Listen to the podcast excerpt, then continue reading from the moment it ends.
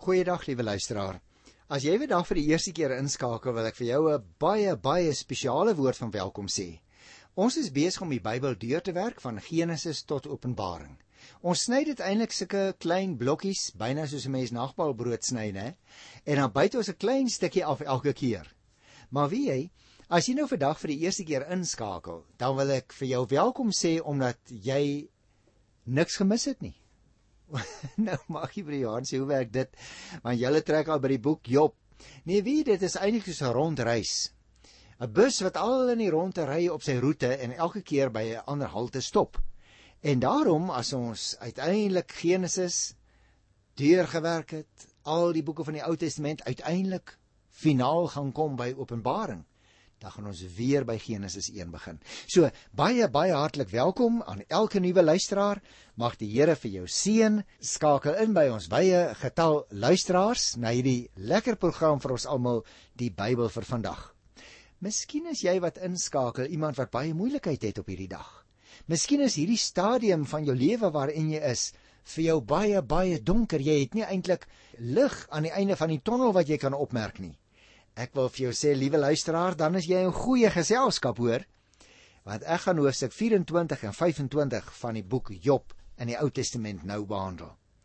In hierdie 24ste hoofstuk is dit ek wil vir jou sê dit is 'n uitsiglose, 'n moedelose persoon wat aan die woord is. Die opskrif daarvan in die Afrikaanse teks is reg. God slaan nie ag op die onreg nie. En dit is die eerste aspek wat ek met jou wil bespreek. Daar is 3 kort aspekte, maar dit is die eerste een. Kom ons begin sommer dadelik en dan lees ons die eerste 4 verse met mekaar saam. Dit is Job wat aan die woord is, hoor. En dit is asof hy nou regtig sy kanonne uithaal teen die Here. Mag ek dit so sê? Uh by wyse van spreuke? Maar dis 'n moedelose mens hierdie. En miskien was dit al met jou ook so in jou eie lewe. Hy sê: "Waarom stel jy almagtige nie tye vas vir afrekening nie. Waarom moet die wat hom ken te vergeefs uitsien as sulke dae? Mense verskuif grenslyne. Hulle steel troppe vee, laat hulle by hulle vee wy. Hulle vat die weeskind se donkie en lê beslag op die bees van die weduwee. Hulle druk die armes van die pad af. Die behoeftiges van die land moet wegkruip. Jy sien Job teken hier 'n plastiese prentjie van mense wat onreg behandel word. Hy sê die afrekening met goddeloses waarop al drie sy vriende so skerp gereageer het van tevore, hy sê daardie straf op die goddeloses bly uit. Die Almagtige is mos nie van 'n mens afhanklik vir die tyd van afrekening nie. Nou vra hy 'n vraag. Hy sê: "Waarom wag die wat die Here ken? Die wat die Here dien gehoorsaam. Waarom te vergeefs wag hulle op sulke dae?" Om te wys waarop hy sin speel met sy ongedulde waarom vraag, verwys Job na onreg wat gepleeg word. Die lyding wat daaruit spruit in die stil sweye van God as 'n mens daarna kyk, dan is dit vir jou ooglopend so. Al hierdie onreg van plaas en die Here reageer nie. So Job sê, "Maar Here, ek verstaan dit nie." As hy in die tweede vers byvoorbeeld praat van om die grenslyne te verskuif, Dan moet ons onthou dit is iets wat belet is in Deuteronomium 19 vers 14. Die verskuiwing kon natuurlik baie maklik plaasvind want daar was nog nie soos in ons tyd baie landmeter bakens wat ingeplant is nie. Maar God beskerm die grenslyne. Gaan kyk maar Spreuke 23 vers 10 en 11. Dis moeilik om vee wat nie duidelik gemerk is nie in 'n trop uit te ken, nie waar nie luisteraar? Nou vir diefstal bepalinge kan jy gaan lees in Eksodus 20 en ook Eksodus 22 as jy wil. Ons het daaroor gepraat toe ek dit behandel het, daarom laat ek dit nou uit. Waarop ek wil wys is vers 3 en 4 dat dit vir al die weeskind is en die weduwee en die armes wat uitgebuit word. Hulle het nie mans geld om hulle saak in die hof te stel nie. En nou sê Job, maar Here, hoe is dit dan? Dit lyk vir my dat die regverdiges deur u onregverdig behandel word want u help hulle nie uit nie. En dit kan mos nie so werk nie, liewe Here. Vers 5 en 6. Soos wille donkies moet die armes in die woestyn gaan kos soek. Die dorre wêreld moet vir die kinders kos voorsien. Hulle oes veevoer op die land om dit self te eet. Hulle soek oorskiet trossies in die wingerd van die goddeloses. Job sê: Here weet u, die gevolg van hierdie uitbuiting en verontrigting is die verskriklikste armoede ook onder die mense wat die Here dien. Die wille donkies is aangepas vir hulle bestaan in die oop veld. Die armes vergaan egter in sulke toestande, Here, weet U dit dan nie? Die basiese nood, Here van die mens is kos. Hy sal selfs vee voer. Hy sal selfs oorskiet trossies uit die wingerd eet as die mens maar net iets het om te eet, Here. Vers 7 en 8. Hulle moet die nag kaal deurbring sonder klere. Hulle moet geen beskutting teen die koue hê nie. Hulle is duur nat van die reëns in die berge, daar is geen skuilings nie. Hulle hurk agter die rotse. Jy sien behalwe die feit dat hier 'n prentjie geteken word van regverdige mense soos wat Job self is, behalwe die feit dat hulle geen kos het nie. Is dit daarnaas ook nog so dat hulle klere ellendig en min is? Hulle moet skuilings soek teen die koue en die hitte. En die reëns is noodsaaklik. En dit het die armes nie, want hulle klere is afgevat.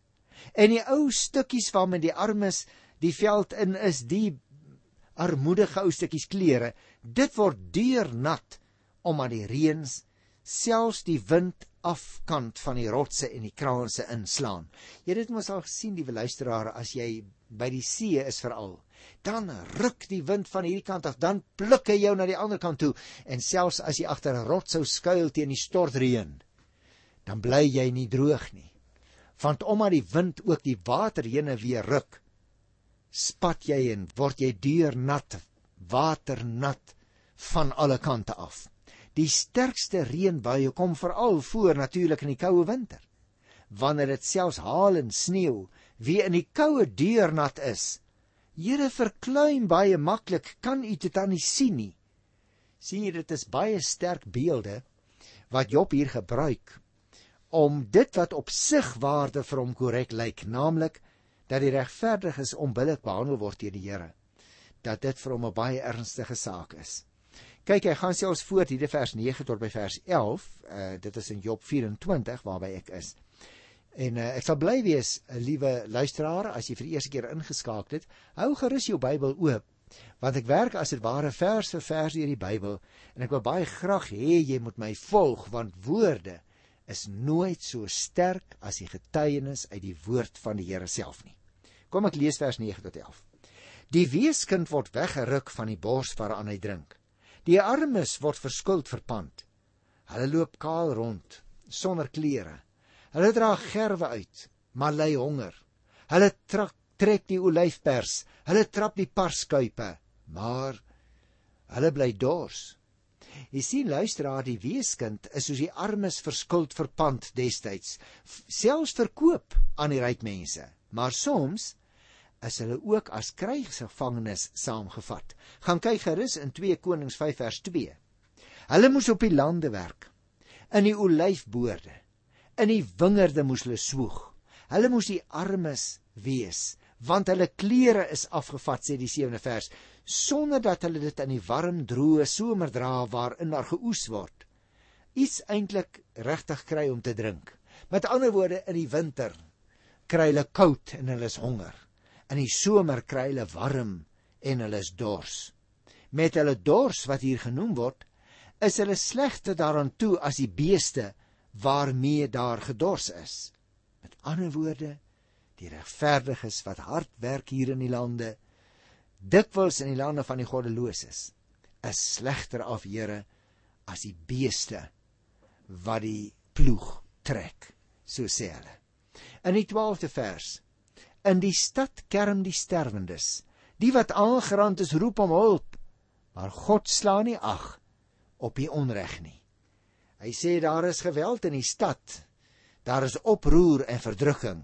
Maar dit wil vir hom sigbaarde lyk asof die Here nie hoor nie. Asof die Here die klag om roep om hulp wat geroep word nie hoor nie. Die Here slaan skynbaar nie ag op die onreg nie. En juis hierin sê Job, lê my groot probleem. En daarom, liewe luisteraar, word hierdie verse eintlik net so onverstaanbaar as woorde uit Job se mond.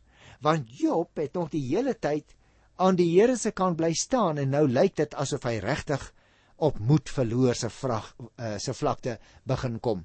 So daar is drie aspekte het ek gesê. Die eerste aspek is God slaan skynbaar nie ag op die onreg nie. Nou kom Job in vers 13 tot by vers 25 by 'n volgende aspek waarin hy sê: Die regverdiges, Here, word soos koringare afgesny in die wêreld as ek rondom my kyk. Nou kom ek gesels eers in die algemeen en trek 'n paar breë strepe, dan verstaan ons dalk so 'n bietjie beter. Dis natuurlik nie onmoontlik nie, liewe luisteraar, dat Job die ander kant van die saak ook aanstel. Maar wat nou in hierdie volgende verse gesê gaan word, weerspreek eintlik wat hy tot dusver gesê is. Gesê het. Daarom sien jy, hy teken die negatiewe, die sigwaarde van die situasie. Nou klim hy as dit ware in die prentjie in en hy sê hoorie, maar daar is ook 'n ander kant. En dit ondersteun aan die standpunt van die vriende wat vir Job so opstandig maak. Die verse wat ons nou nog gaan behandel hier in Job by vers 13 tot 17 beskryf die lewe van die nagmense. En van vers 18 af vertel dan hoe hulle na 'n kort tydjie afgesny word soos koringaarde. En die man wat hier aan die woord is, sê niemand kan sy woorde weer lê en hom tot leuenaar maak nie.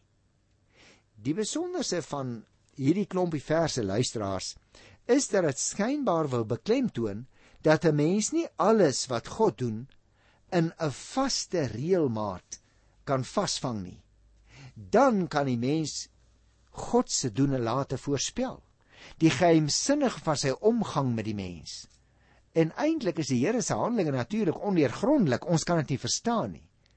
Dan hou God op om die heilige te wees. Jy sien, ons kan die dinge op sigwaarde beoordeel, maar wie wat? Dan kan ons nog nie regtig vir God verstaan nie. Want die Here tree soms heeltemal wat ons betref irrelevant op. Maar eintlik bly hy onverbonde. Ons kan hom nooit in 'n blikkie druk en sê so lyk God nie. Ons kan nooit 'n paar bewegings maak en sê so tree die Here op as ons ons arm swaai en op en af spring nie. Nee, liewe luisteraar, God is ver meer en ver beter en ver meer liefdevol as wat jy en ek ons ooit kan voorstel. Daarom sê Job, julle moet onthou, die goddelose wat skynbaar so voorspoedig is, word uiteindelik soos koringare afgesny. Kom ons lees 'n bietjie daarvan. Hier in vers 13 staan daar: Daar is mense wat nie die daglig verdra nie wat niks te doen wil hê met wat in die dag gebeur nie. Wat nie van die dag se paaie hou nie. Hy sê die nagmense van die dag se paaie wil hulle vermy. Oortree al drie die gebooie. Jy kan gerus kyk in Eksodus 20 by vers 13 tot 15. Maar hy voeg by in vers 14: Die moordenaar staan net op voorligdag. Hy vermoor die weer, weerlose in die arme in die nag steel hy. Jy merk op die moordenaar vermoor nie net nie. Hy steel ook. En dan die 15de vers. Die egbreker wag ook vir die donker. Hy dink geen oog sal hom sien nie. Hy vermom homself. sien liewe luisteraar, die egbreker wag vir 'n nag waarop die vrou se man weg is. Dan vermom hy homself en sodat hy natuurlik nou on, onherkenbaar is vir hom en tog tog kan hy in die donker sien. Luister na vers 16 en 17. Die dief breek by huise in as dit donker is. Bedags skryp die dief weg. Hy wil niks met die lig te doen hê nie.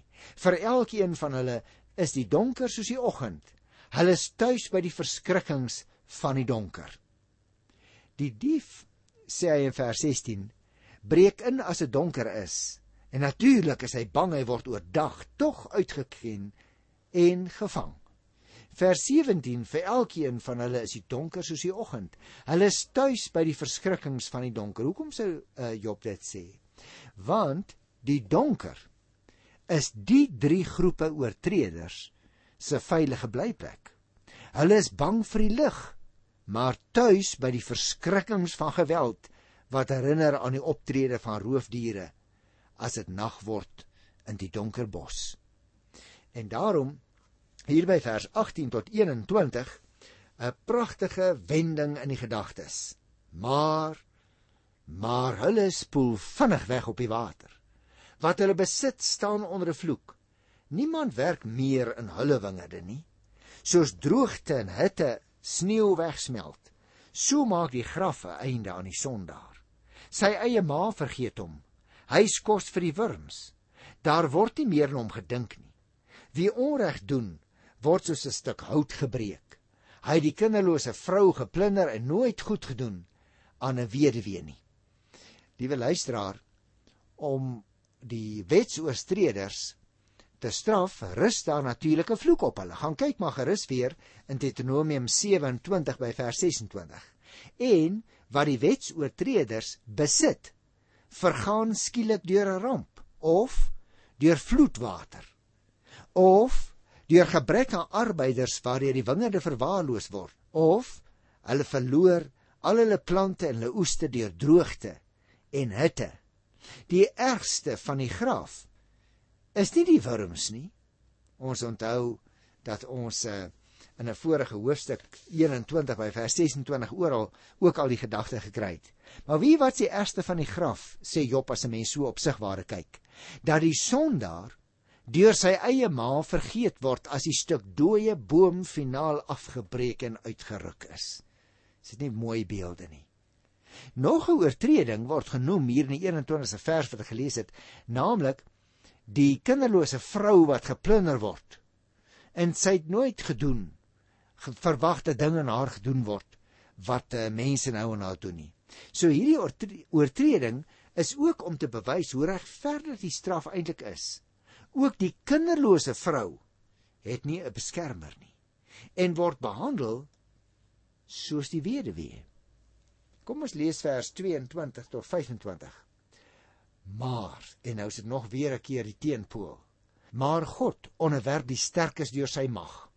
As hy optree, het hulle geen sekerheid meer in die lewe nie. Hy gee miskien vir hulle gevoel van sekerheid waarop hulle kan steun, maar hy hou dop wat hulle doen. Net 'n kort rukkie is hulle belangrik. Dan is daar niks van hulle oor nie. Hulle stort te mekaar en sterf soos almal. Hulle word soos koringare afgesny. Is dit nie so nie? Wie kan my tot leienaar maak? Wie kan my woorde weer lê? Jy sien luisteraar, hierdie vers 22 tot 25 wil eintlik vir ons sê anders as in die vorige hoofstuk is die sterkes hierdie goddeloses wat op hulle eie groot krag staat maak. God ruk elke stut onder hulle uit. Selfs al is dit so dat hy self die stut 'n tyd lank vir hulle gegee het en daarmee saam 'n gevoel van sekerheid wat hulle gekry het. Die Here hou hulle dop. Ons het die gedagte ook gekry, sal jy onthou, in Hosea 13 by vers 27. Met ander woorde, al lyk dit op sigwaarde vir jou en vir my. Die Here sien nie die onreg raak nie. Hy merk nie die goddeloosheid van die goddelose op nie. Dan sê Job, dis nie waar nie. Die Here straf, al is dit in hierdie lewe nie, dan is dit later. Daarom Ten slotte vers 24 en 25 wat ons gelees het, net 'n kort rukkie is hulle belangrik. Dan is daar niks van hulle oor nie. Jy sien, ons het ook in die 5de hoofstuk by vers 26 die gedagte gekry van die koringaar. En dit was daar 'n aanduiding van rype ouderdom. Hier waar die koningaar net gebruik as beeld om die afsny daarvan te beklemtoon.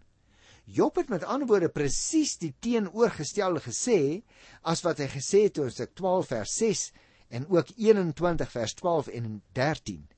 Uit sulke teenoorgestelde beklemtonings blyk dit vir ons luisteraars hoe moeilik dit is, selfs onmoontlik en verwaand. Is dit vir 'n mens om te probeer verstaan en verklaar wat die Here doen? Job se ervaring is te verkies bo 'n selfversekerdheid wat soms grens aan laster. En daarom bly ons in die Here glo ten spyte wat alles gebeur. En dit bring my dan, liewe luisteraar, by sekerlik een van die kortste hoofstukkies in die hele Bybel. Naamlik die derde aspek wat ek wil behandel vandag, Bildad wat in die woord kom en hy sê: "Hoe kan 'n mens reg hê voor God?" In Job 25. So ons het die eerste aspek bespreek, daar van die eerste vers af. God slaan nie ag op die onreg nie. Die tweede aspek van vers 13 af waar Job gesê het die onregverdige word afgesny soos koringare. En nou in Hosea 25, daarom bespreek ek die drie aspekte te gelyk in een program. Bildad wat aan die woord kom en 'n vraag vra. Hoe kan 'n mens reg hê voor God? Kom ek gee jou 'n oorsig van hierdie uh ses versies. Bildad se laaste antwoord want dit is nakies is die laaste keer wat hy in die woord kom hier. Bildad se laaste antwoord was swak en het glad nie na Job se voorbeelde van sondige mense wat suksesvol is verwys nie. Hy het nie sy vriend se argument probeer weer lê nie. Maar hy het vir arme Job beskuldig van hoogmoed. Hoekom? Omdat Job gesê het dat sy omstandighede nie die gevolg is van sonde nie. Job het nooit te kenne gegee luisteraar dat hy sonder sonde was nie, hoor. Maar slegs het hy te kenne gegee dat sy sonde nie vir sy omstandighede verantwoordelik kon wees nie. Met ander woorde Job het gesê jy en ek kan nie 'n reglyne streep trek tussen dade en slegte omstandighede nie. Met ander woorde as ek sondige dade gepleeg het dat ek noodwendig gestraf gaan word nie.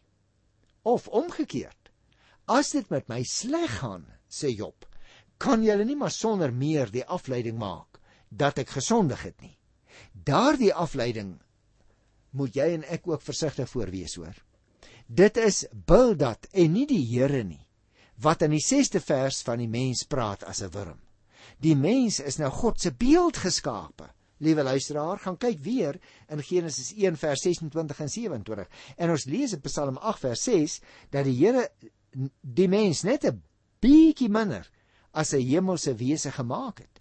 Dis moontlik dat Bildad hier op 'n poëtiese manier die geweldige verskil tussen God en die mens probeer aandui.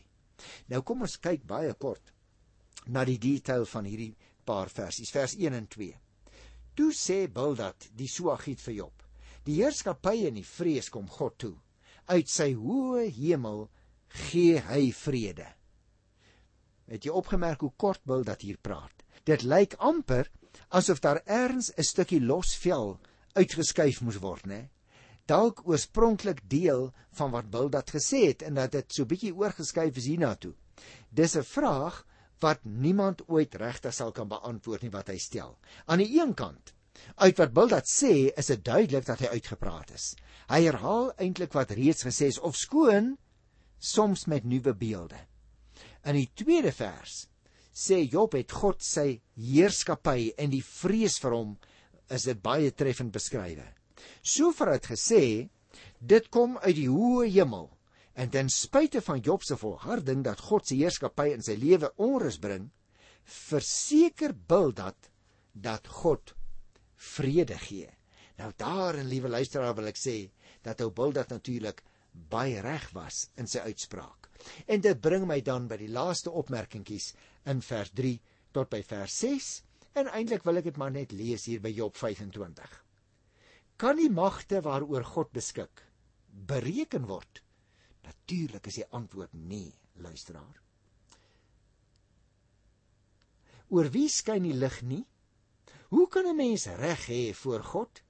Hoe kan iemand wat uit 'n vrou gebore is onskuldig wees?